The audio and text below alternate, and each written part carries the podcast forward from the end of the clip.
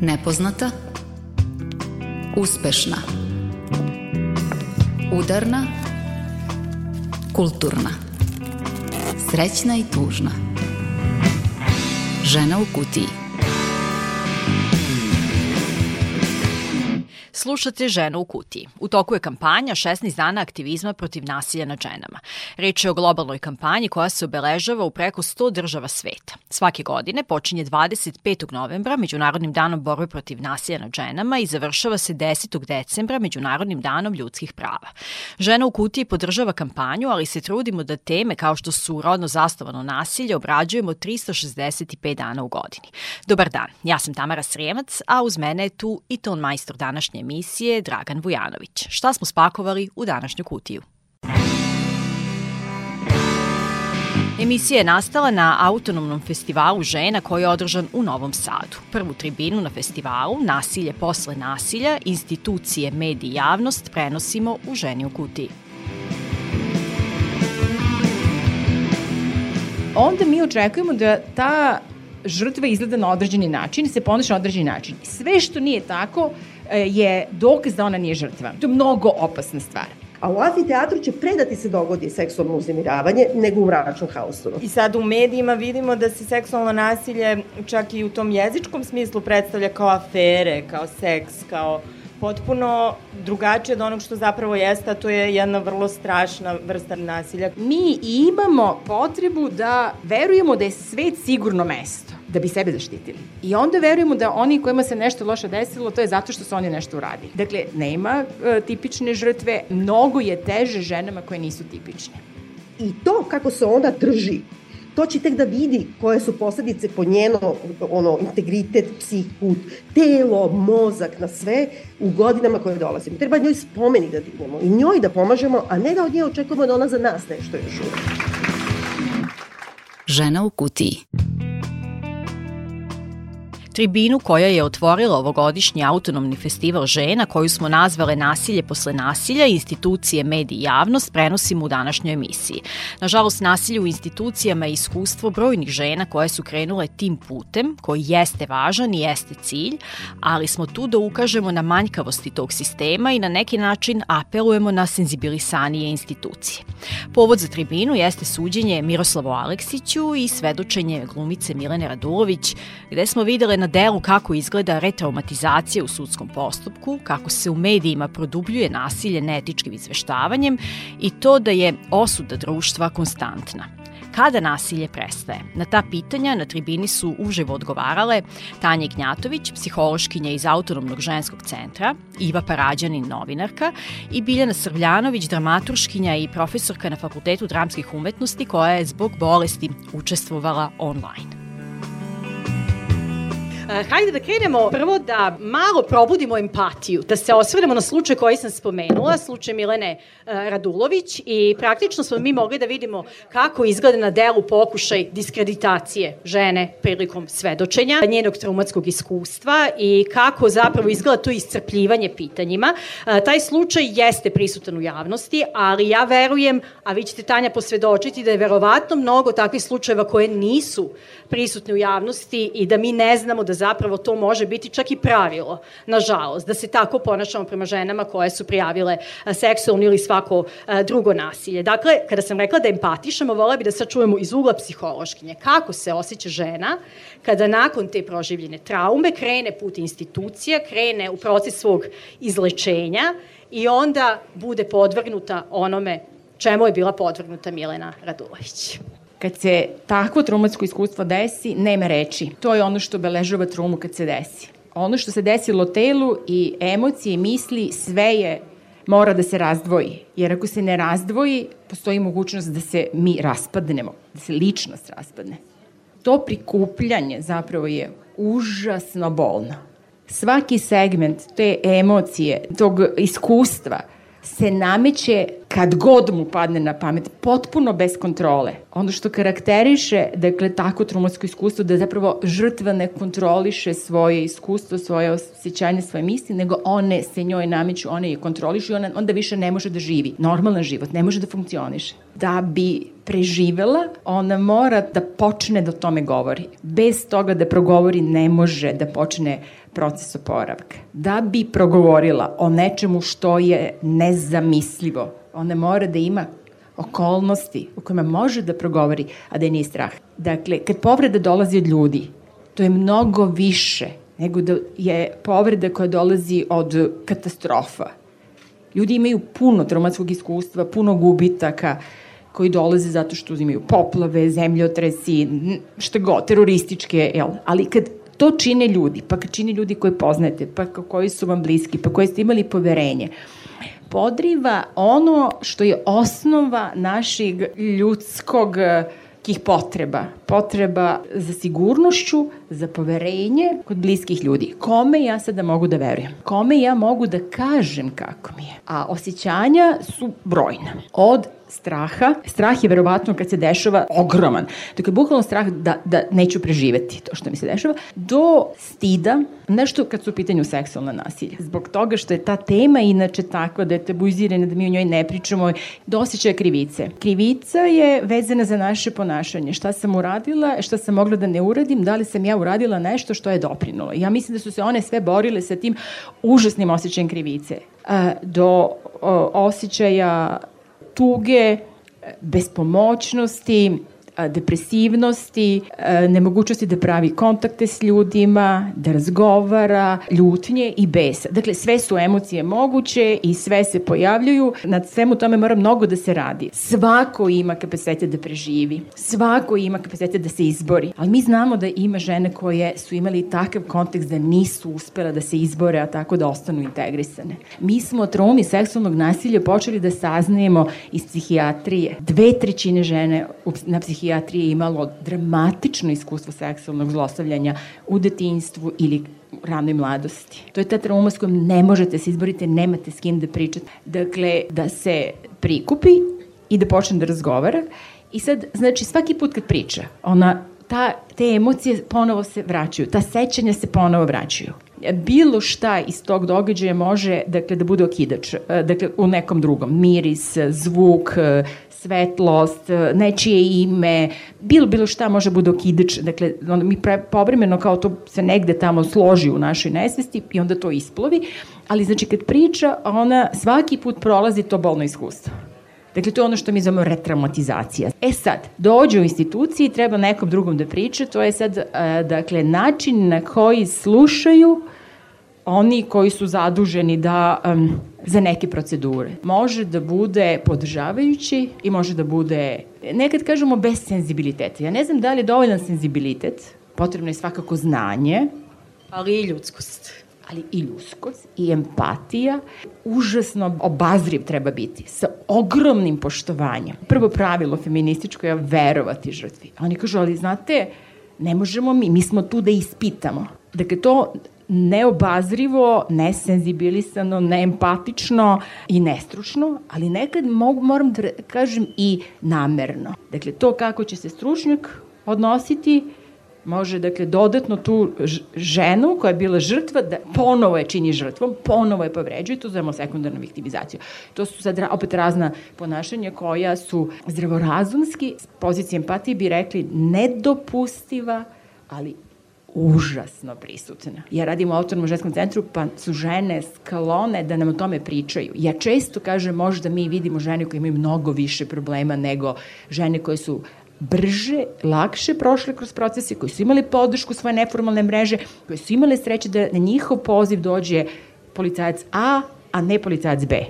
Da im se tamo sačeka socijalna radnica A, a ne socijalna radnica B. To je sama sreća ali sreća ne treba da rukovodi profesionalno postupanje i žene ne treba da zavise od sreće, nego treba da zavise od jednog sistema koji ima standarde i odgovornosti. Kad su glumice izašle, bilo je nekoliko prijava vezane za institucije obrazovanja, ja sam razgovarala s nekim ženama i one su rekle ja bih lakše pričala jer znam da sam sada jedna od velikog broja, ali ja nikada nisam rekla roditeljima. Strah je i stidi zbog toga što vas, da se vas trauma ne obeleži. Moje iskustvo nasilja je samo jedan segment moje ličnosti i moga života. Nisam ja žrtva cela, ja imam sve druge aspekte i ja, strah me je da me sad, kad god me pogledate, ne vidite kao žrtvu koja je imala to strašno iskustvo i kažete to je ona kojoj se desilo i da ja zbog toga ne mogu nešto profesionalno i ću sutra imati neku smetnju u karijeri i da će me sutra partneri, da će me sutra vratiti na to deca i da će me rođati, znači to je užasno je puno strahova i ja mislim da mi svi možemo, sve možemo da zamislimo koliko je to strašno, jel, izaći i reći meni se desilo i očekivati da niko ne kaže a gde si, a šta si, a zašto baš ti, a jesam ti govorila hiljadu puta ili i ne terati da brzo prođe kroz taj proces, jer ne može brže nego što može, jel?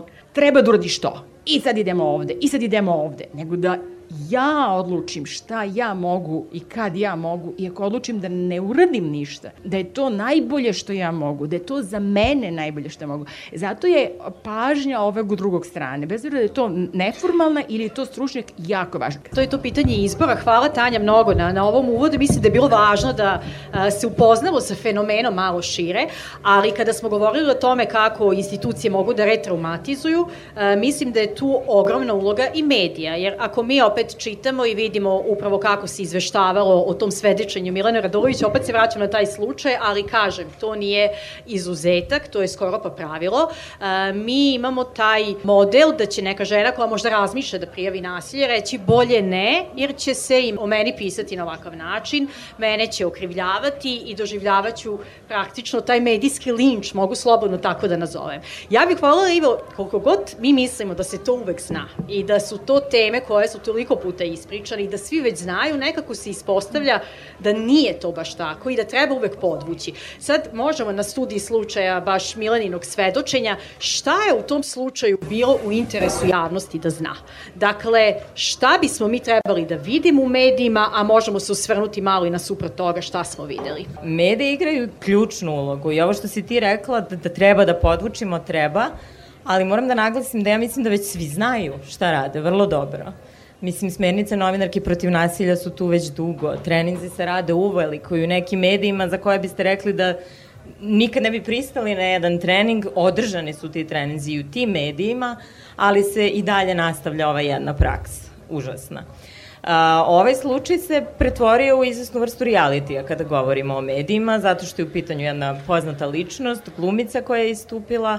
Svedočimo ne samo greškama medijima, već greš, mediji zapravo preslikavaju situaciju same institucije. Znači, mi imamo prvo pitanja koje advokat odbrane postavlja Mileni, koje nikako ne bi trebalo da postavlja i koje su van svakog kodeksa, morala, empatije, svega I mediji onda prenose dalje ta pitanja i prenose detalje. Tako da mi imamo prvo tu žrtvu koju je preživelu, koja se iscrpljuje pitanjima i tačno se zna da je to mehanizam odbrane, da nju diskredituje, da je umori pročitali ste da je juče svedočenje njeno, njeno trajalo 9 sati. Ne samo da nije u redu da se izveštava na taj način, nego to ima svoju direktnu posledicu, vrlo jaku.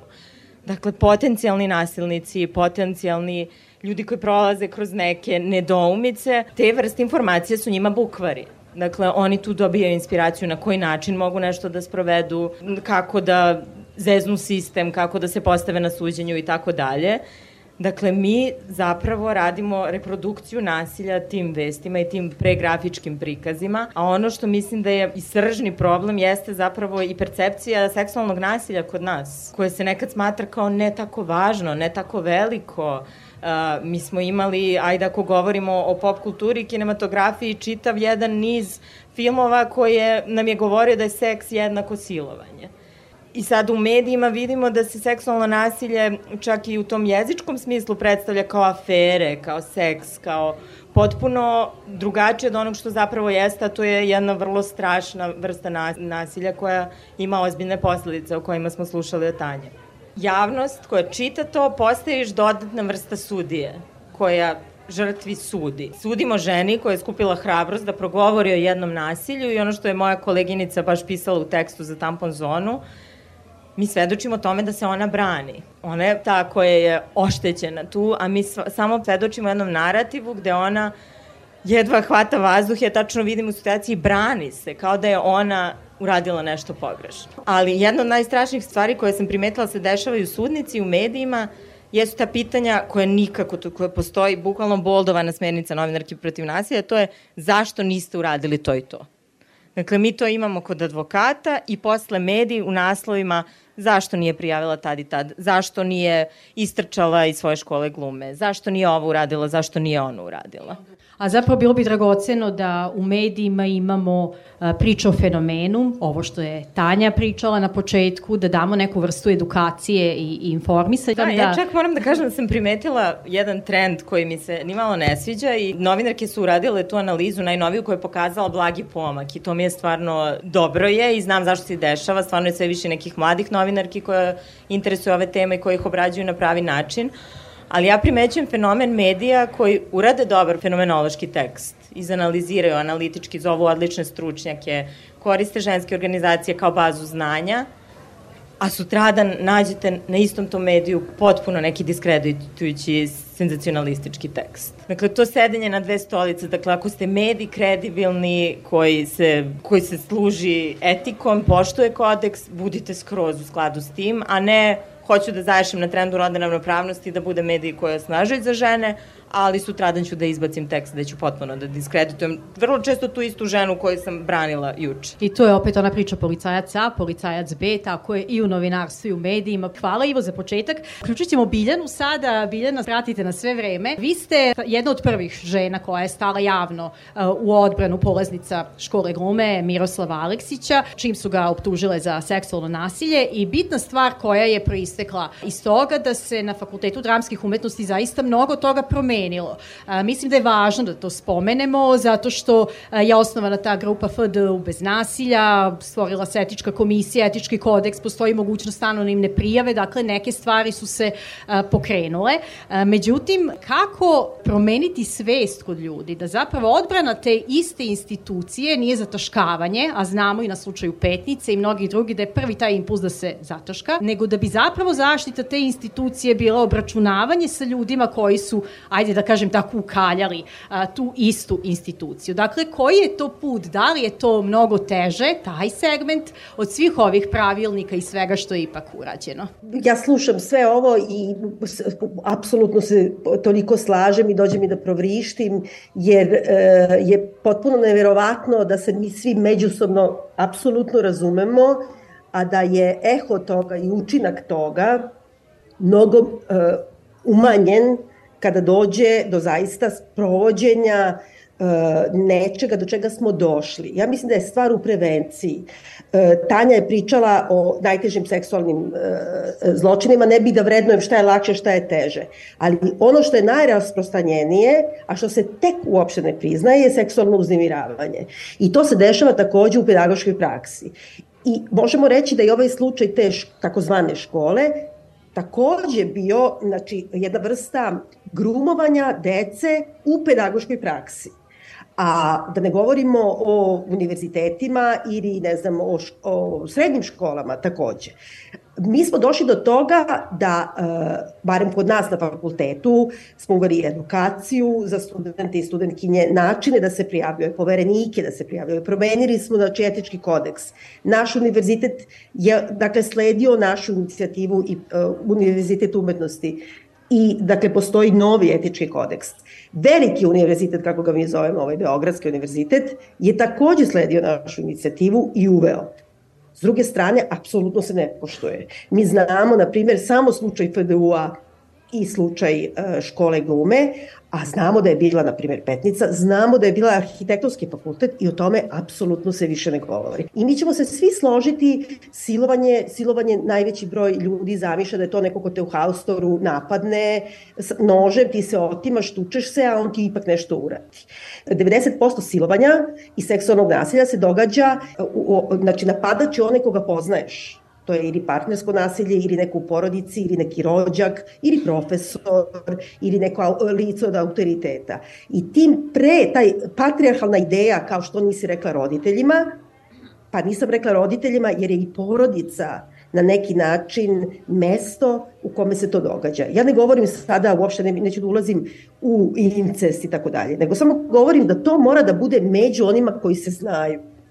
I to je u najvećem e, broju slučajeva tako. E, s druge strane, to da se govori o uznemiravanju to je potpuno prećutano i gurnuto u stranu. Kao, desilo ti se, Rambo Amadeus je samo šlepnuo po guzici e, novinarku i to što se ona pobunila, to je opet dobija neki kontekst e, potpuno drugačiji.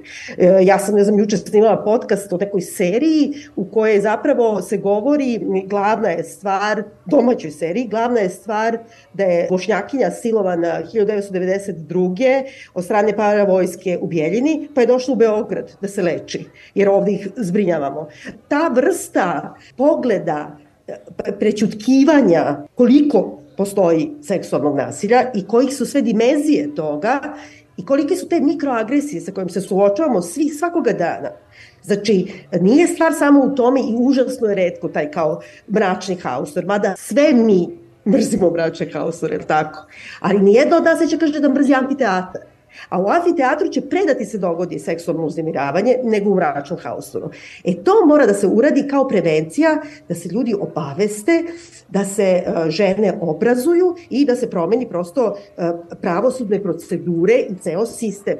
Jer ja moram da kažem, ja sam išla na, na uh, ovaj, imam svoje ročište u krajnjem slučaju već dve godine sa Aleksićem i njegovom suprokom, mojoj koleginicom Biljanom Mašić, i oni pokušavaju da spreče zapravo da su medijima uopšte govori o tome. I oni su tužili uh, Ivanu Mastilović, novinarku koja je prva objavila priču i koja je najbolje pokrila uh, ovaj, priču Milena Radulović i ostalih devojaka. Oni su tužili Miju Bjelogrlić zato što u svojom dokumentarnom filmu govorila o, o toj situaciji. Oni su tužili mene jer sam na Facebook govorila o njima. Znači oni pokušavaju da spreče bilo koji E, glas u javnosti koji će uopšte skretati pažnju na to. I onda ljudi dižu ruke, dovode u pitanje i spajaju, nešto pravi se amalgam između seksualnog nasilja i polnog odnosa.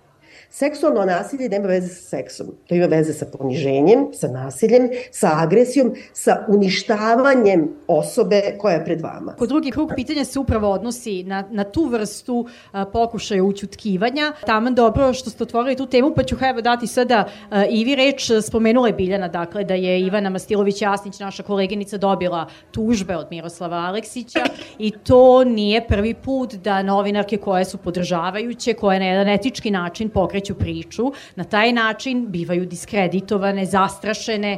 Zanima me Ivo kao novinarka, kako si ti to doživela? Kako to utiče na rad novinarki? Da. Mislim da je to jedna stravična situacija. Evo, ja ću isto iz ličnog iskustva da kažem, Miju Bjelogrlić je tužio isto i zbog mene, jer sam je ja zvala da u tadašnjem Mail magazinu napiše tekst, kolumnu o tome kako je bila podrška zapravo svoje drugarici kad je rešila da prijavi to. To se desilo pre dve godine, recimo, i dešava se to da ja razgovaram sa jednom saradnicom, novinarkom, da pokrije sad ovu temu, gde ona meni uplašena kaže pa ja ne znam da li smemo ovako da pričam, znaš, on tuži sve novinarke. I ti vidiš da, je on, da on učutkuje, da je, da je sada vlada među novinarkama zna se da, da moraš da paziš da meriš svaku reč ako hoćeš i da često žene onda i odustaju. Mislim, znamo sve kakav je kakva je pozicija novinarki kod nas i da svedočimo feminizaciji profesije, gde nas je 90% na ulici kao reporterke, kao proizvođačice sadržaja, da nas je malo na uredničkim mestima. Iako je teško da izguramo ove teme, a nama je svima stalo od ovih tema i sad se dešava da kada i nađemo prostor da ih izguramo, da nam se i taj prostor oduzima. Dakle, to je jedno jako opasno učutkivanje, jer mislim da su se na ovim prostorima jako značajne stvari desile u poslednje 5 do 10 godina, kada pričamo i o broju novinarki koji izveštava, koje se bave istraživačkim novinarstvom, ne samo koje pri, pokrivaju ove teme, nego pomenću Jelenu Zorić i ne znam, mnoge jako hrabre žene koje su se usudile da rade neke priče, I znamo na koji način se one diskredituju. Imamo dis zastrašivanje, znamo da muški novinari kad nešto urade i kad hoće da se diskredituju, njima se kaže da rade za Soroš ili ne znam šta i to je sve od uvreda ka njima i pretnji ka njima. A ka ženama imamo i diskreditovanje e, na osnovu izgleda i imamo i pretnju njihove lične bezbednosti i različite vrste zastrašivanja i mene jako plaši što se onda ove priče učutkuju. To, ja, ako smem sada... samo da upadnem da, da kažem, da, da. novinare muškarce jeste, kad treba da ih diskredituješ, ili si plaćenik strani, da. ili si peder. Znači, tu da. postoji još, još dodatna, ono, umešana, ono, patrijarhat ti tvrdi da to nije pravi muškarac. Kao što ti za gej žene tvrdi da to nisu prave žene. I to je onda neka još dodatna dimenzija užasa. Da, ja bih hvala samo i da pročitam a, baš citat, a, to isto se nadovezuje na ovu priču a, koleginice Ivane Mastilović koju spominjemo. Ona je rekla, A, apropo ovih tužbi, kaže, neprijatno je, rekla bih i nedopustivo da me drže u sudnici na samo dva metra od čovaka optuženog za više silovanja. Dakle, to je još ta nova dimenzija. Ona sad dolazi da se brani, pa je ona suočena sa čovekom, nije joj prijatno. Pa možda... Znaš šta je strašnije? Što same nekad žene koje su preživele nasilje od nasilnika bivaju suočene, a da među njima nije ceo metar razmaka rastojanja. Tu si ti uvek navodiš primer Marija Lukić, pa meni pa možda i sada da ga spomenu. Da, meni je bilo baš strašno kad smo otišla u Brus na to prvo suđenje gde smo ušli u hodnik koje je metar sa metar površine gde su njih dvoje dahtali jedno drugom u lice. To je nešto nezamislivo i to, to pokazuje kako sistem uopšte, koliko uopšte ne brine o toj ženi i o tome kako se ona osjeća i kroz šta je prošlo. Da, Biljana, spomenuli ste dakle tu tužbu koju ste vi dobili, delikatno jeste što je to i Miroslav Aleksić i njegova supruga koja je vaša koleginica na Fakultetu dramskih umetnosti, pa to onako usložnjava celu situaciju. A, možda još malo da zastanemo na tome, da nam kažete kako vi doživljavate to, kako se osjećate, nosite sa tim, da li to vidite kao pokušaj učutkivanja, zastrašivanja, diskreditovanja, sve to ili još nešto dodatno? To je jedna vrsta, kako da kažem, u ličnom odnosu, u slučaju sad kao brani se čovek jer je napravio veliki zločin, sad će za ovo da me tuži. E, dakle, ja razumem da je njima, njemu sve dozvoljeno da se brani. S druge strane, vi imate situaciju u kojoj ja se sada osjećam, jer ja kako da kažem, uz nekoliko mojih kolega i koleginica sa fakulteta uporno postavljamo pitanja i o odnosu koleginice koja je aktivni deo odbrane koja e, se izjašnjavala u medijima, ono, nazivajući žrtve lažljivicama, autujući njihove identitete, e, koja ne može da prisustuje ovim suđenjima zbog toga što je ona svedok odbrane. I sada istovremeno ona je kod nas u nastavi i to na ovim najvišim e, stupnjevima na do, doktorskim i na, na masteru, što znači da žrtve koje su u ovom procesu, na primjer, ne mogu da upišu doktorske studije kod nas, pošto je ona jedina profesorka glume i to je potpuno kako kažem, zakon to apsolutno dozvoljava. I sad stalno ima nas nekoliko na fakultetu, evo to je sad poslednje pitanje, bilo na poslednjem veću, koji postavljamo to pitanje da li, da li se slaže kolektiv sa time I stalno onda imaš utisak da meni svaki put dođe situacija ne mogu ja stalno da budem ta i da oni mene tretiraju kao evo tova. I nekako na taj način si diskreditovana. Prosto kao evo je ova, sad će ona ovo svoje. I onda kao nekad mi izađu u susret jer kao neće više da se dave sa mnom. Ali suština je u tome da nekako moramo da napravimo i odgovornost i, kako da kažem, profesora, mi smo i pedagozi. Mi imamo odgovornost da se bavimo etikom. I sad moramo da nađemo način za to. Ovo što ste rekli za samo suđenje, i Milena stoji na metar od ovoga, on je sedi iza leđa. On je sad poslednji put ispitivao direktno oči u oči. Ali sve zajedno je, oni su na nekoj užasno izložena. E, taj advokat koji je advokat i u, i u mom slučaju, e, on nije sprečen da postavlja ne neumesna pitanja, nego pitanja koja su apsolutno beskorisna za odbranu. Nemoguće da ga odbrani tako što pita je li ti tata namirisao miris od Miki kad je ušao u kola. Mislim, to je devojka od 17 godina i mi stalno to zaboravljamo. I, i taj čovek je godište njenog dede. Znači, kada dovedemo neke stvari, kada ogolimo, nemoguće je biti ravnodušan na to. Ali ljudi nekako ne, i sudija koji e, ne, nije obučen i ne postoji neki podzakon ili neki protokol kojim se kaže ne, nije dozvoljeno postavljati pitanja gde mu je bio, koliki mu dugačak jezik.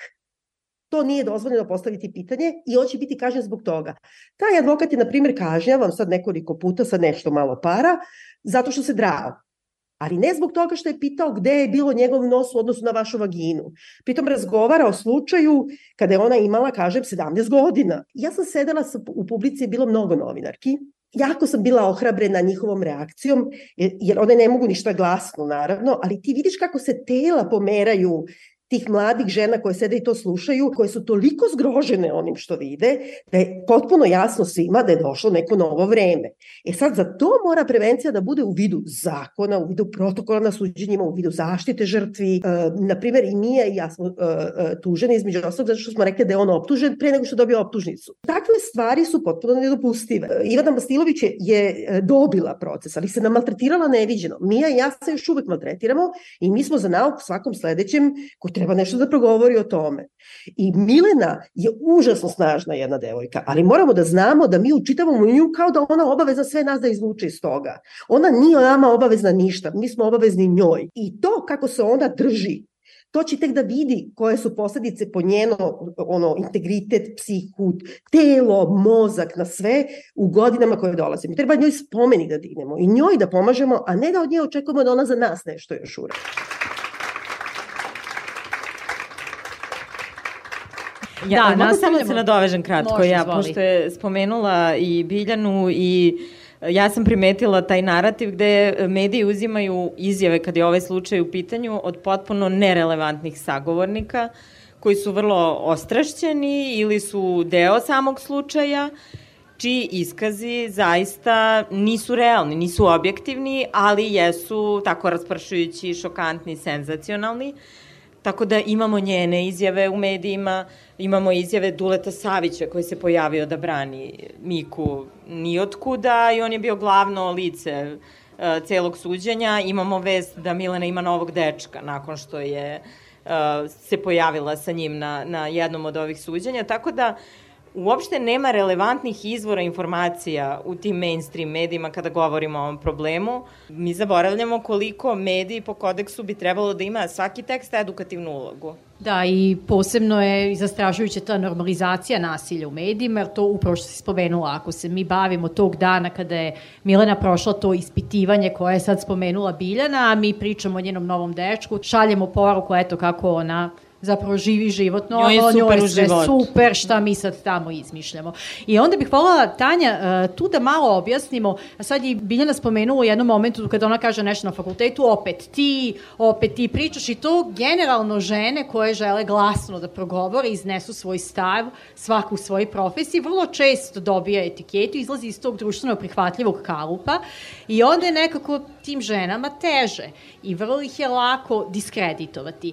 E, I skloni smo kao društvo da i žrtvu stavljamo u taj određeni kalup, ta idealna žrtva što uh, govorite vrlo često kao taj model, zapravo onako kako mi svi zamišljamo ženu koja je doživela silovanje, da ona izgleda onako kako mi zamišljamo žrtvu i tada možemo da je žalimo. Ako je to glumica koja ima novog dečka i glumi u filmovima u jednoj sceni obnažena, a to je već ništa. Tako da bih voljela opet da, da čujemo to stručno, da iskoristimo vaše prisustvo tu što Iva rekla i vašu ekspertizu, da objasnimo da li zapravo postoji univerzalna žrtva, da li postoji univerzalan put izlaska iz nasilja, prijave nasilja, odlučivanje kada progovaramo o tome, kada ne.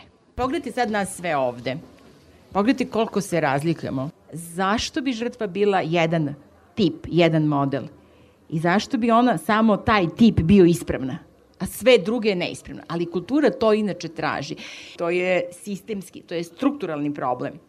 Dakle, žene su definisane da su ispravne i dobre ako rade ovo i da su neispravne i nisu dobre ako rade ono kao u crno-belom svetu. I samo ove koje su po definiciji koju postavljaju cela kultura, pa hiljadama godina unazad, a tu kulturu, zapravo priliku da kulturu oblikuju, da standarde postavljaju, ali ne samo u kulturi, u filozofiji, u nauci, u svakoj od naših disciplina. Nigde tu žene nisu postavljale nikakav standard, sve su to standardi koji su postavili muškarci u odnosu na jednu perspektivu, cenići kroz svoju vizuru, a žene i deca i sve drugi, jel, ove i one one grupe, svi dakle koji nisu muškarci kao povlašćeni, oni koji zapravo imaju moć da definišu šta je ispravno, šta nije. Da definišu teorije, pravila, struku, metodologiju, istraživanja Vi sada imate bitku metodološku. Onaj ko postavlja metodologiju upitnike, taj određuje šta će dobiti od podataka. A ti podaci oblikuju politiku i zakone i prakse i priručnike i procedure koje, o kojima priča um, Biljana i obrazovanje psihologa, psihijatara, pravnika, sudija, novinara kultura uh, određuje šta je ispravno, šta nije ispravno i onda mi očekujemo da ta žrtva izgleda na određeni način, se ponaša na određeni način. Sve što nije tako e, je dokaz da ona nije žrtva. To je mnogo opasna stvar.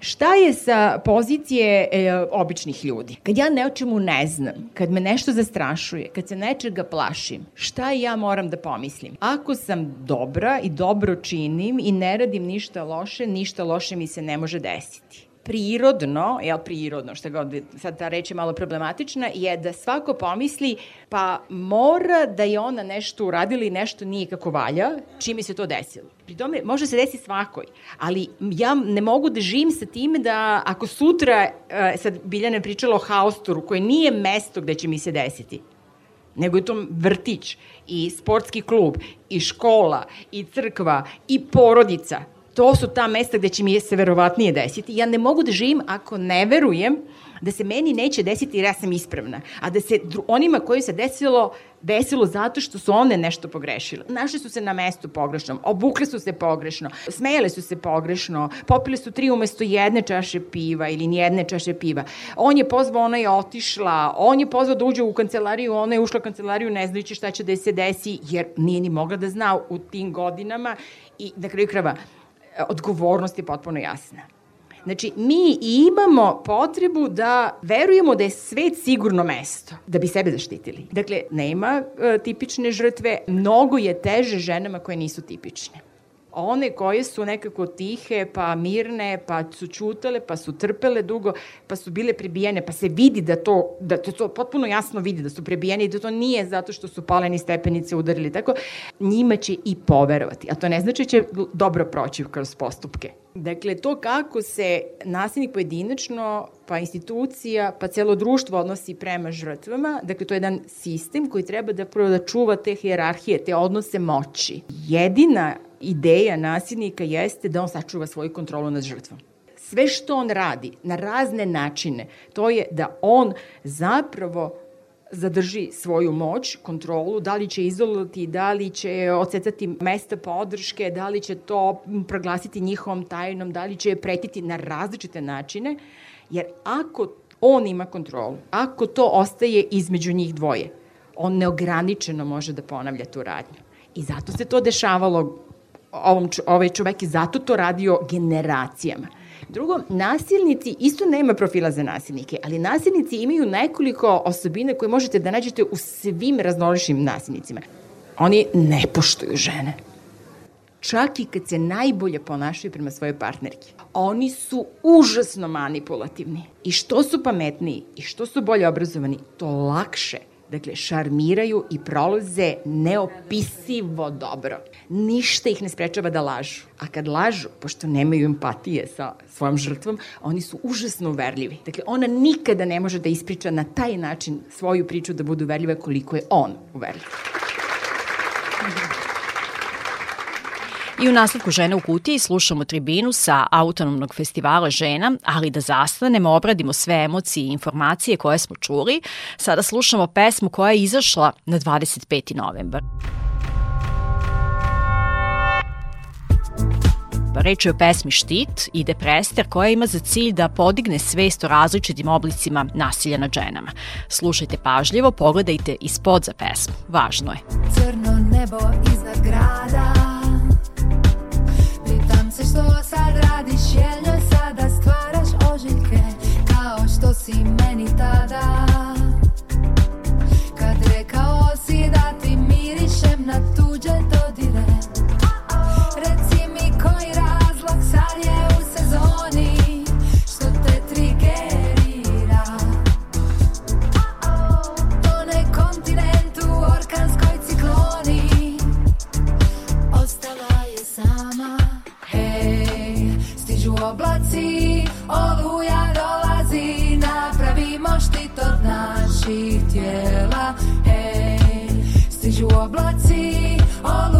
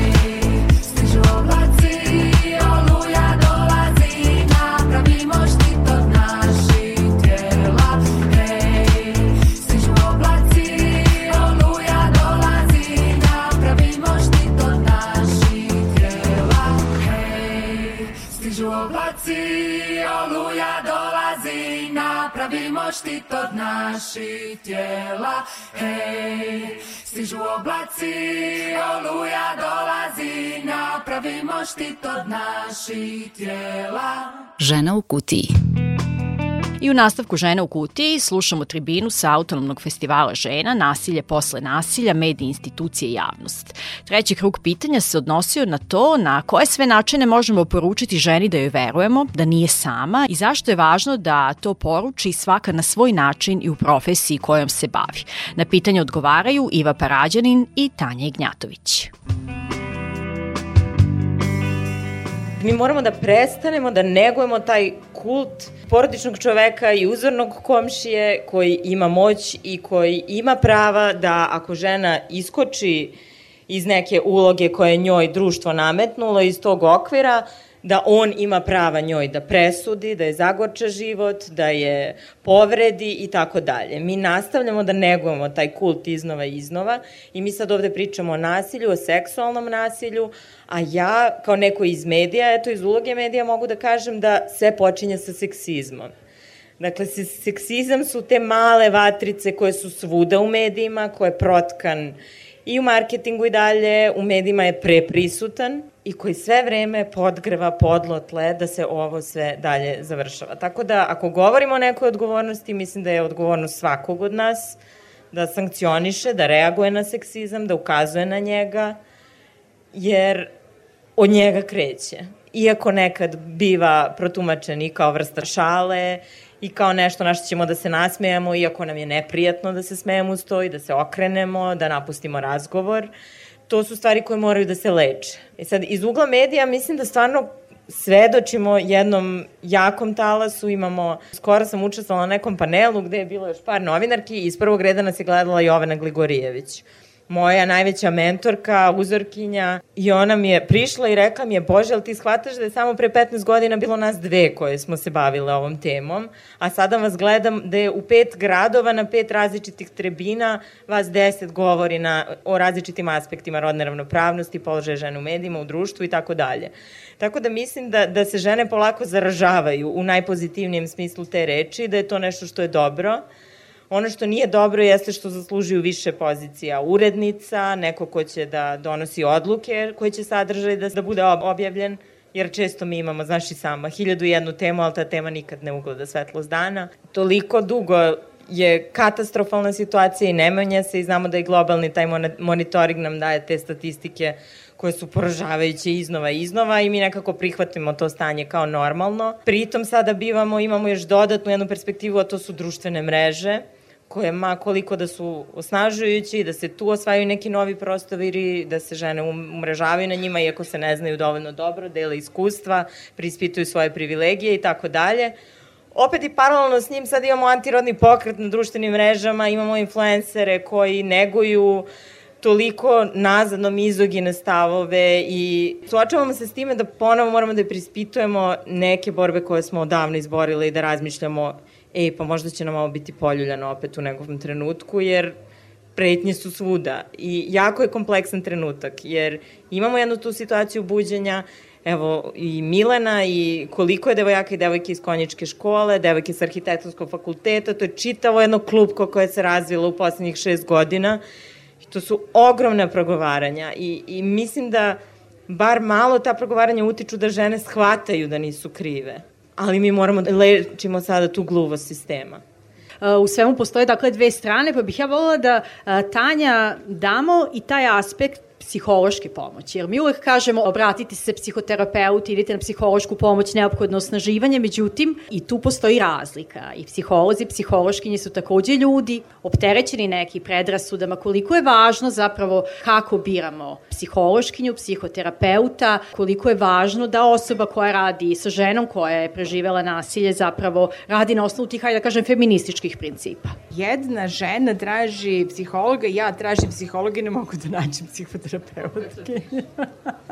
Ali stalno razmišljam o kontekstu. Kad živite u ovom društvu u kome su poljeni svi standardi, profesionalnosti, odgovornosti, etičnosti, na svakom mogućem mestu. stalno se pitamo dakle krenuti. Dakle, početak ove godine je, mi smo imali svake nedelje jednu ubijenu ženu.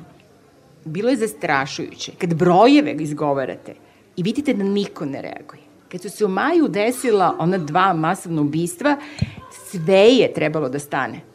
Najgora stvar koja mogla da se desi da vam izađe neko ko pojma nema ni u čemu i da kaže sistem nije zakazao. To je takav bes proizvelo kod mene. Ja nisam mogla da se poravim 15 dana.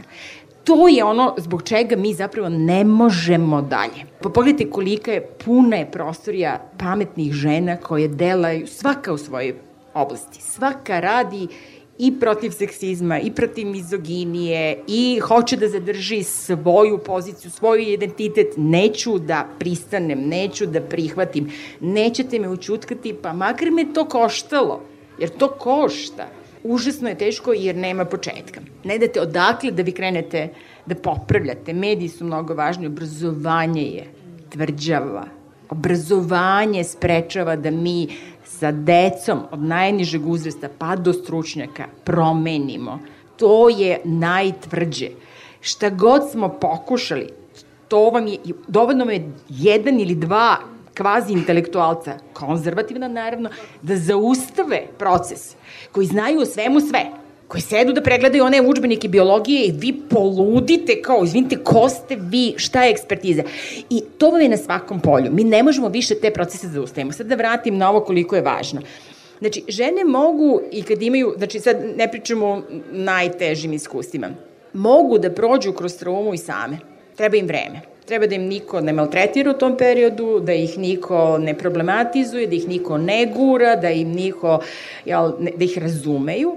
Ako imaju podršku, neformalno, bilo koga, prijateljicu, sestru, kumu, kako god, fantastično. Da li će da to traje tri meseca, šest meseci, godinu dana, sve je prihvatljivo. Do tri godine, rekli bi moje koleginice psihološkinje, valjda ovde ima nekoga, posle toga bismo morali, moralo da se nešto preduzme, zato što ako trauma se ne obrađuje, ako stoji, ona menja iznutra, menja ličnost. Jel? Strukturira se u potencijalni poremeće. Jel? Moralo bi. Znači, neke, samo će neke žene zatražiti i neće moći izbor. Ali trauma ume da čuči mnogo, mnogo dugo i sad mislim i kod muškaraca, jer i muškarci su imali često kao dečaci bili žrtve seksualnog nasilja i bili su nas, žrtve i nasilja mirnodopskog od strane srodnika i e, drugih dečaka, starijih muškaraca i ratnog, pošto sada imam, imam, sećanju i te priče, neki su, imaju decu. Kad je zlostavljač umro, samo ga je preplavilo. Žene su zvale da pitaju gde da nađu terapeuta, da, gde je njihov muž da se obrati da priča o tom iskustvu iz detinjstva o kome se čutalo dok je Zostavić bio živ, nije mogo se progovori. Kako da nađu? Ne znam da vam kažem, zato što smo mi napravili društvo u kome imate veštake koji nisu specijalisti za seksualno nasilje ili specijalisti za decu koje su žrtve seksualnog nasilja, nego veštak koji radi sa psihijatrijskim bolesnicima u opštoj psihijatrijskoj bolnici, veštači i se, decu se, žrtve seksualnog nasilja i roditeljstvo i šta god hoćete, opšte prakse. Tako isto i sa terapeutima. Ako pričate za dobrim terapeutima, oni će vam reći da, je, da su uh, ljudi koji dolaze na terapiju iz potpuno drugih razloga, kad god zakopate duže, dođete do traume nasilja. Ove, one, ne nužno seksualne, traume. Znači, neki su svesni da je to ozbiljno pitanje, neki znaju da o tome ne znaju, pa upute na kolege koji više znaju, ne verujem da baš ima mnogo, mislim ne znam da li ima onih koji bi se bavili na loš način, verovatno ima, što ne bi bilo ako ih ima među E, psiholozi, psihijatri i tako dalje, što ih ne bi bili među psihoterapeutima. E, e kad sam ja jednu moju e, koleginicu sa godine koja je otišla da živi u New York odmah posle studija i videli smo se posle 30 godina i ja sam nju pitala, kao, pa ste mene, e, koja je ona škola, koja je pravac, psi, no, kao kod nas tu kao vi ste ili psihodramatičar ili geštalt, Ona je rekla, pa nemate to, nemaš to tamo tako, ti si tamo stručnjak za određenu problematiku. I ona se bavi samo jednim pitanjem. Dakle, ženama koje nemaju biološku ki problem da ostanu u drugom stanju, ne mogu da ostanu u drugom stanju. I ona je samo za to, ona je najbolja u tome. Znači, ne bavi se drugim pitanjem. E sad, mi bismo onda, znači, po toj definiciji trebali da znamo, ovo su stručnjakinje i stručnjaci koji se bave ovom vrstom traume, onom vrstom traume i tako dalje, da ja mogu da izaberem.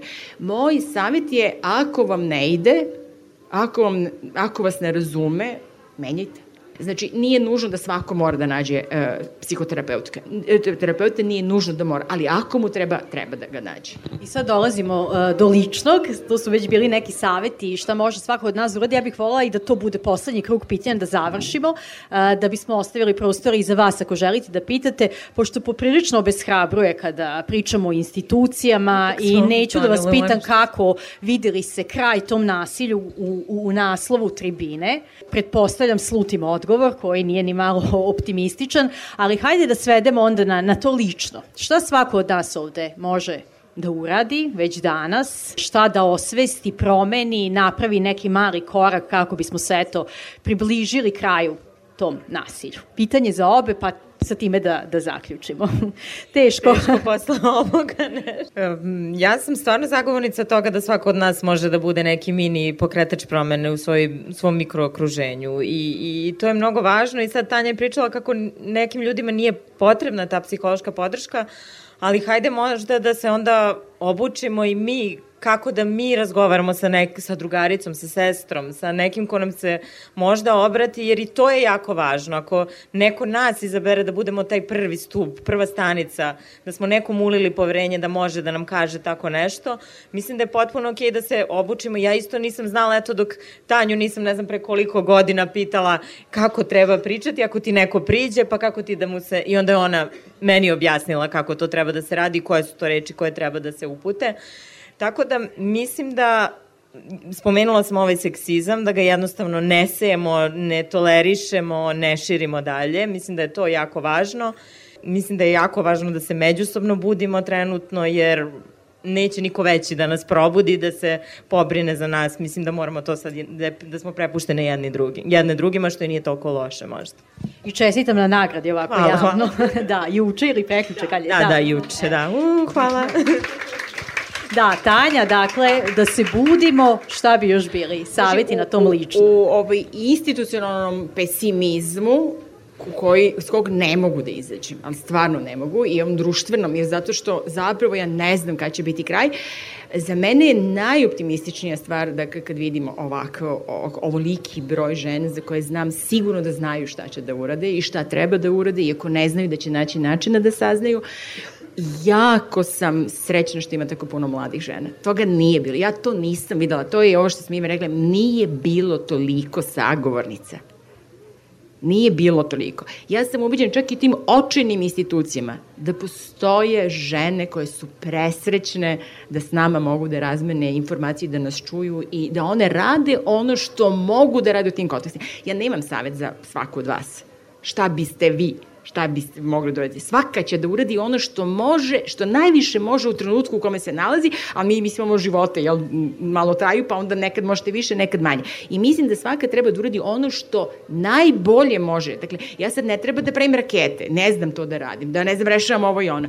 Ja radim ono što ja znam. Ja znam da pričam sa ženama, znam da obučavam e, profesionalce, znam da nešto napišem, znam da nešto odgovorim. Ja to radim i svaki dan i svaki dan i svaki dan i samo nekako bih volela to. Znači, kad se do, dođem i pogledam, vidi koliko će ovih žena i po neki muškarac čuti nešto i uraditi. I radile su juče i rade danas i onda mi je to ko ono, ne, znate, kad premrežite nebo, kao ono, nije, nisu zvezde osvetlile, ali kad ih pogledate, znate da niste sami.